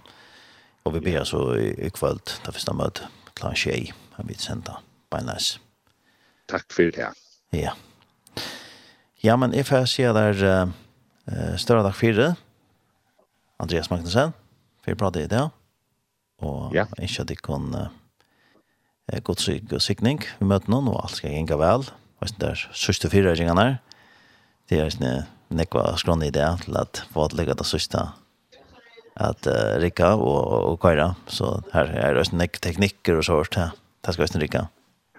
Ja, det kjenner du alt til der er nye teknikker kan, kan være svikelig i så det er alltid uh, godt å bia for to jøsene, og takk for det her, takk for det her så holdt sammen, og, og god sikning i vår i var arbeid her til tikkene hans i Skjei. Ja, men så takk for det. Og vi tverre enda etter prate vi noen sanje som du slipper å velge, ikke Ja, jeg husker jeg en sang som Eitur «Vi jar og i det, ja, atla tui, i samme Jesus er. Og det er det som vi samlast om. Altså, nu har vi ikke vært sammen, så han i på hendamaten, så gjerne i 2019, da vi var i høtlen i Halse. Så vi gledast om at dette blir til nå atter, og at vi er også snart spent til likeskiftet, og at vi samlas om Jesus som er og jo og i det jeg atler til hins. Ja, han har et her, og et er fra en storma til alltid som er Klaksvik i 2008. Ja, det passer, ja. En dag opptøk han som vi får lov Ja. Så større takk for å prate i morgen, og ha en god dag å gjøre. Ja, takk, og så må du løse det, Arne. Takk for det, alle. Yes, bye bye. Bye.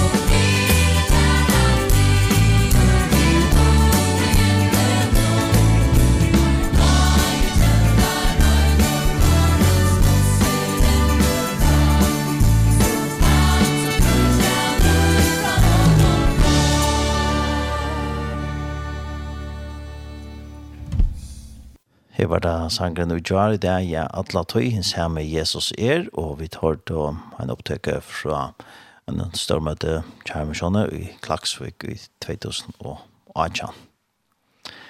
Og vi da har pratet vi Andreas Magnussen, og det var om stormøtene kjærmisjone som vi er nå i vikskjøft nå.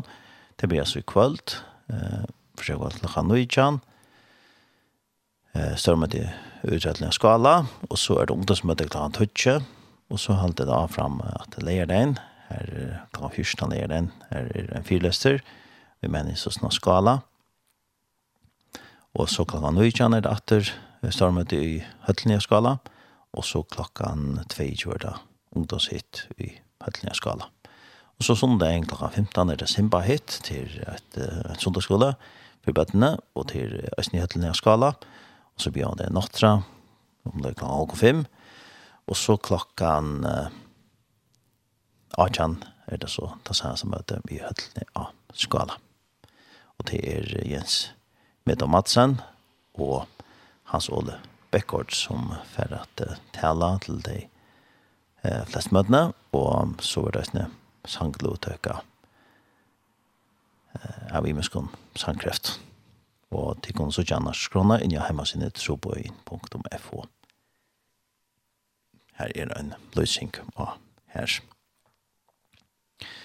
Og jeg kan uh, nevne oss til at uh, det er øyne samflagsstøvna i havn, og det er, det er en, en støvna som er av hver nåre i novembermåned, og det blir jo i Ebenezer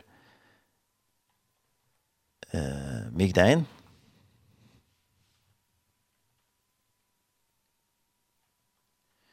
og vi kan lukka teka skrona i jøknan tja tja taimann vanligvis har de haft vi neser kafé for morgon det var så ikke uh, skrona i det vikna til at det er det er um, samtla stevna. ja og skrein hon ser så ut at uh, det er, er møte jo i vi der. Ja, så er Og møte er annars vid der er i Ebenezer klokken 12. Annars er det oppbyggingamøte og i Ebenezer klokken 16 i det. Og så klockan 20 i kvöld er det evangelsmøte i Høtlene og Holse. Og her er det også imisk som tala. Det er Heine Eidingsgård, Simon Jansson Hansen, Svenning Galofte, Rutgård Løkke og Johan Pedersen som tala, og sanglotøkka er vi kåren i Bethesda. Og så er det eh, klant 22 30 at det var oppe i hus for ungdommen, og til oss nyheten i Holse.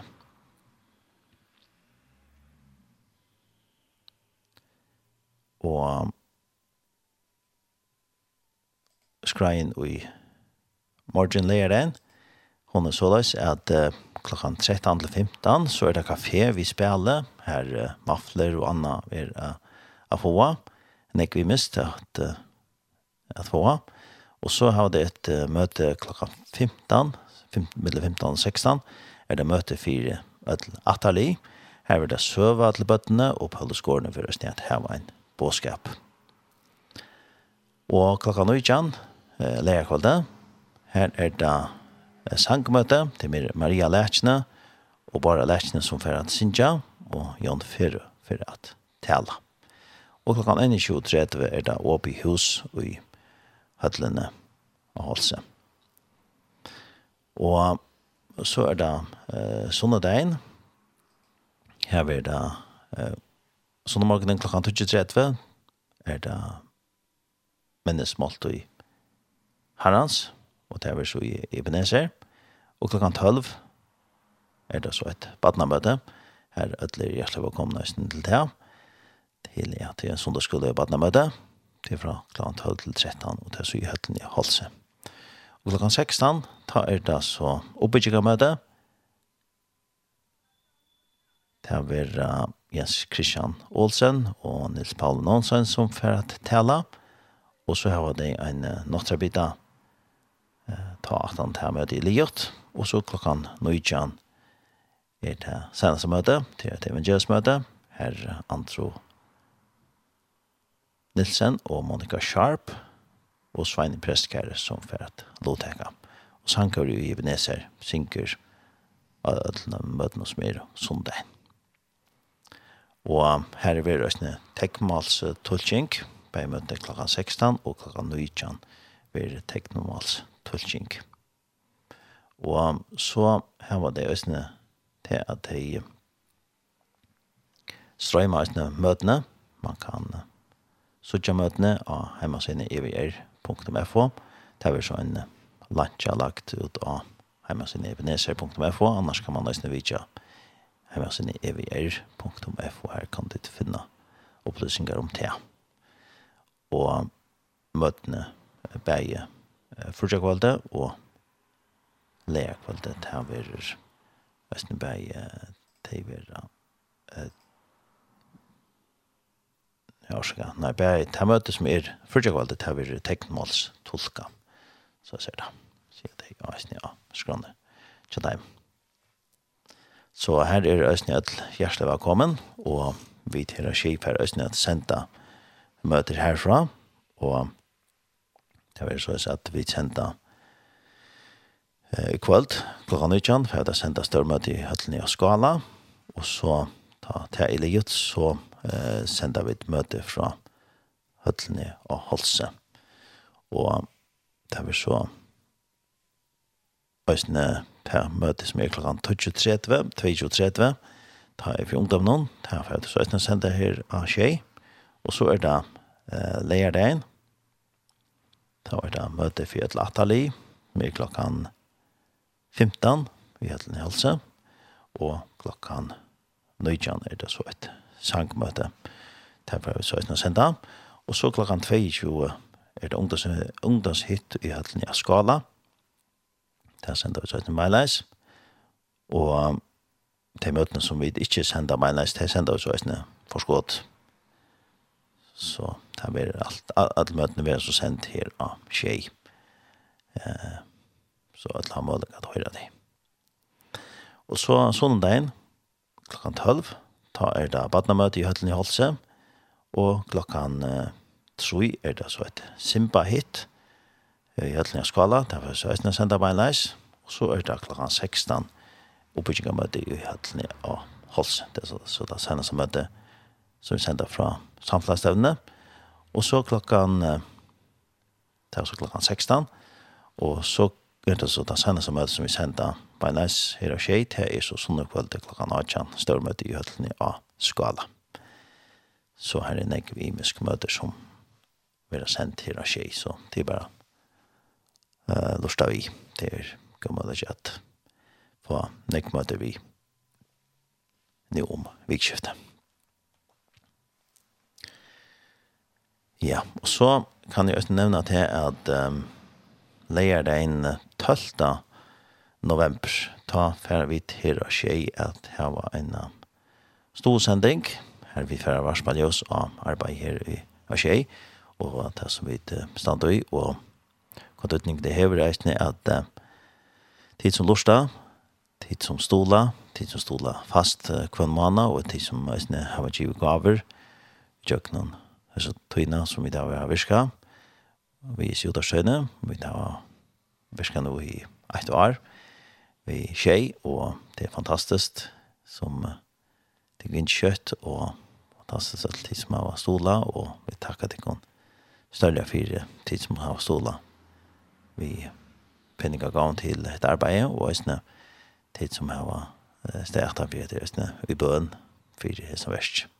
at vi kunne senda gledebådskapen om Jesus ut i kjøkkenen utvarsp.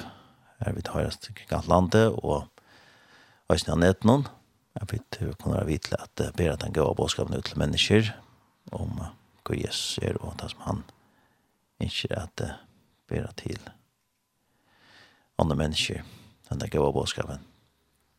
Så det er en stor takk til dekken at hit vil være vi i snærbeinen og vi vil gjøre snærbeinen flere av vera vi jo i snarbeinen, og tog her så har vi så sendisene som vi leier den 12.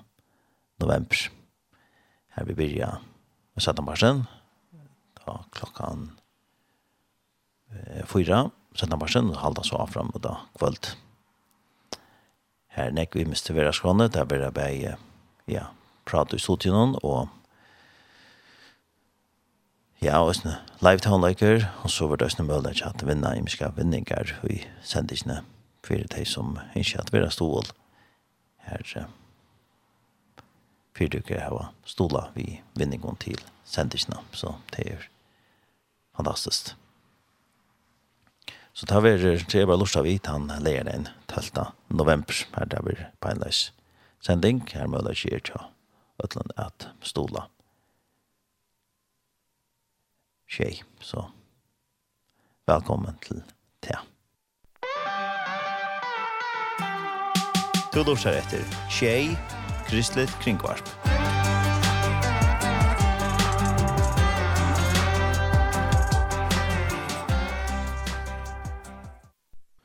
Og jeg er ferdig nå at um, lese en andakt nå til senest utsendelsene, og det er uh, et dagsens år fra Joseph Prince, Og her stender i beskriften God er nøkter vid te.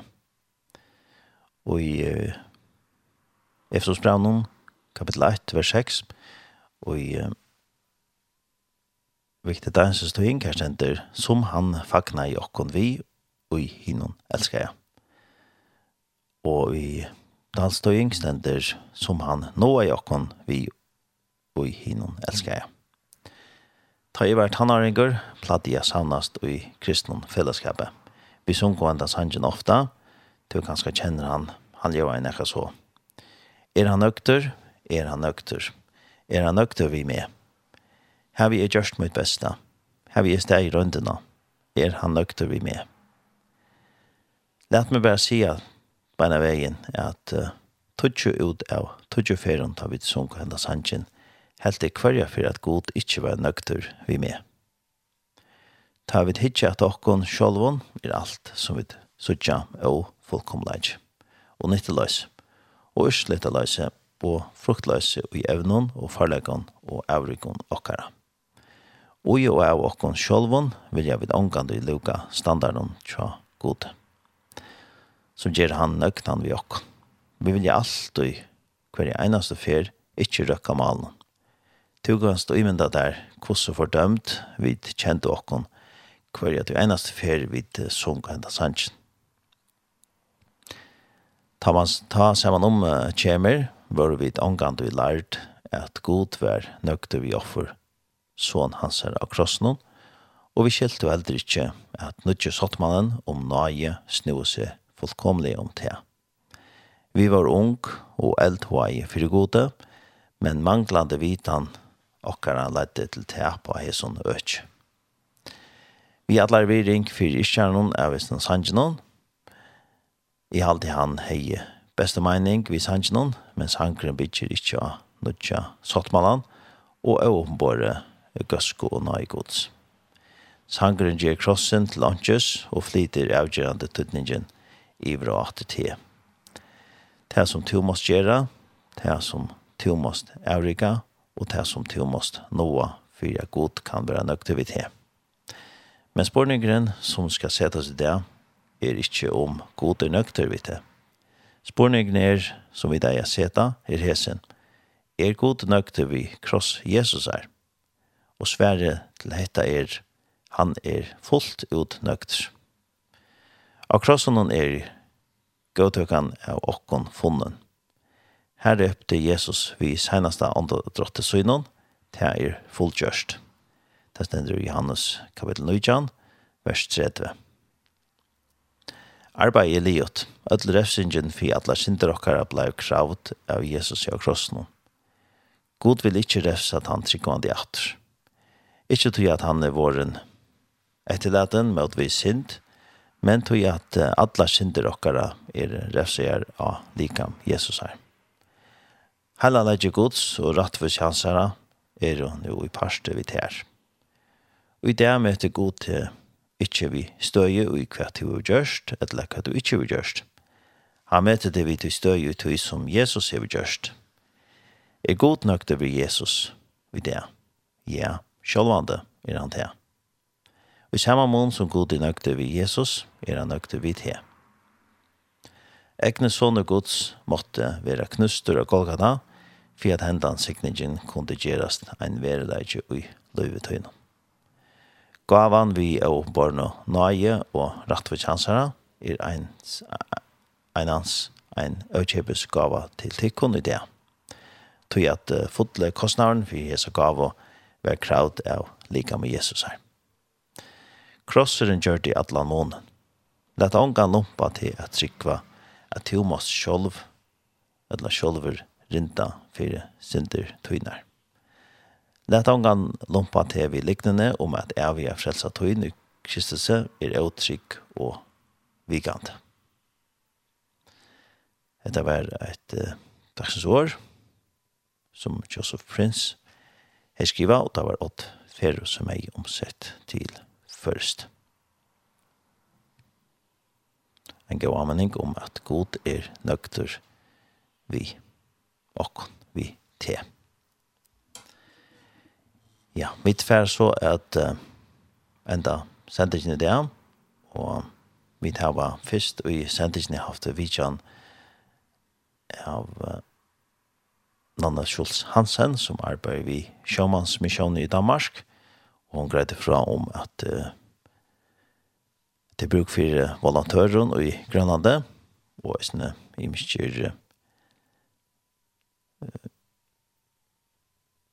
ja, i min man kan uh, søke arbeid just nu i hotellene her i Vre, men jeg, ja, vi ser Simiot og vi Lulles Hatt, og så er det en bruk for volontør, og det er ofte i et halvt år at man kan være volontør, og ikke litt av videre mer om det, og så ikke eh, at det er opplysninger om det, så kan du fære hjemme sine sømansmisjonen.dk her er flere opplysninger, her kan man lese mer om det. Og det er telefonnummer, og man kan lese sende en teltepost til en annen, og adressen er nsh, kurla somansmisjonen.dk.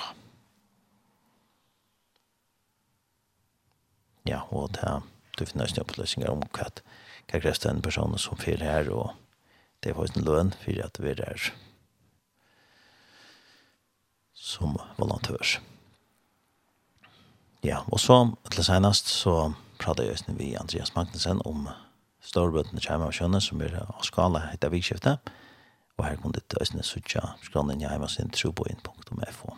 Her er flere opplysninger om det. Så jeg får takke for meg, tar en sammensen og er sånn i det.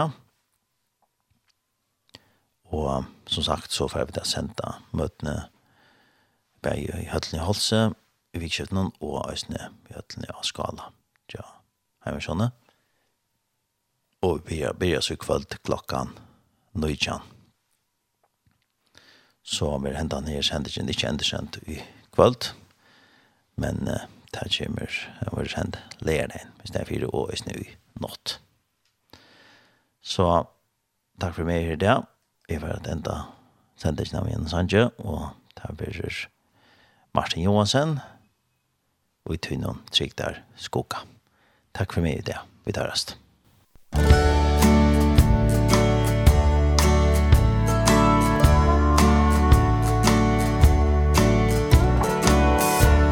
tøy tynnen trygg der skukka sidi er, Vi i mittlom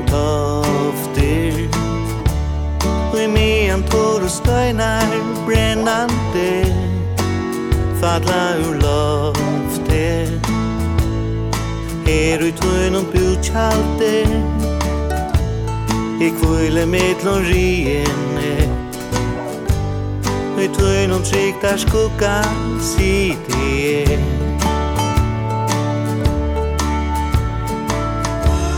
Hon tutju tusen falla mer billig me anki sækar Og deia sørvar flikva bad fram vi Me anki rækar I rasnur eist høy annat. Høy satt du snudje skje om gott. Nøy tøyn og trygg der skugga sidi er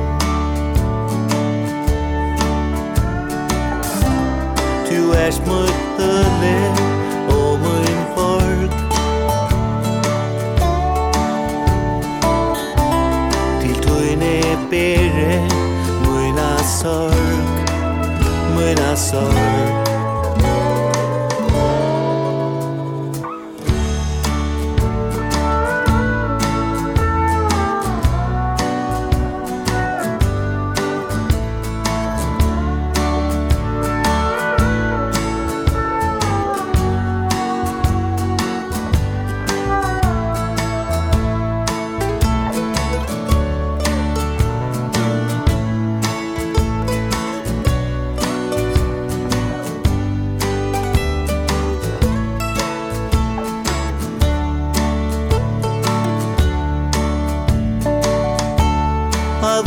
det här sardan fanns till mig Ut ögon tøy man For futsen det tar rattor han så in med Han mat i man Tu vine tøy og vuste hans. I slapp ur snær og jeg er rans. Nøy tøy og trygg der skugga, si det er.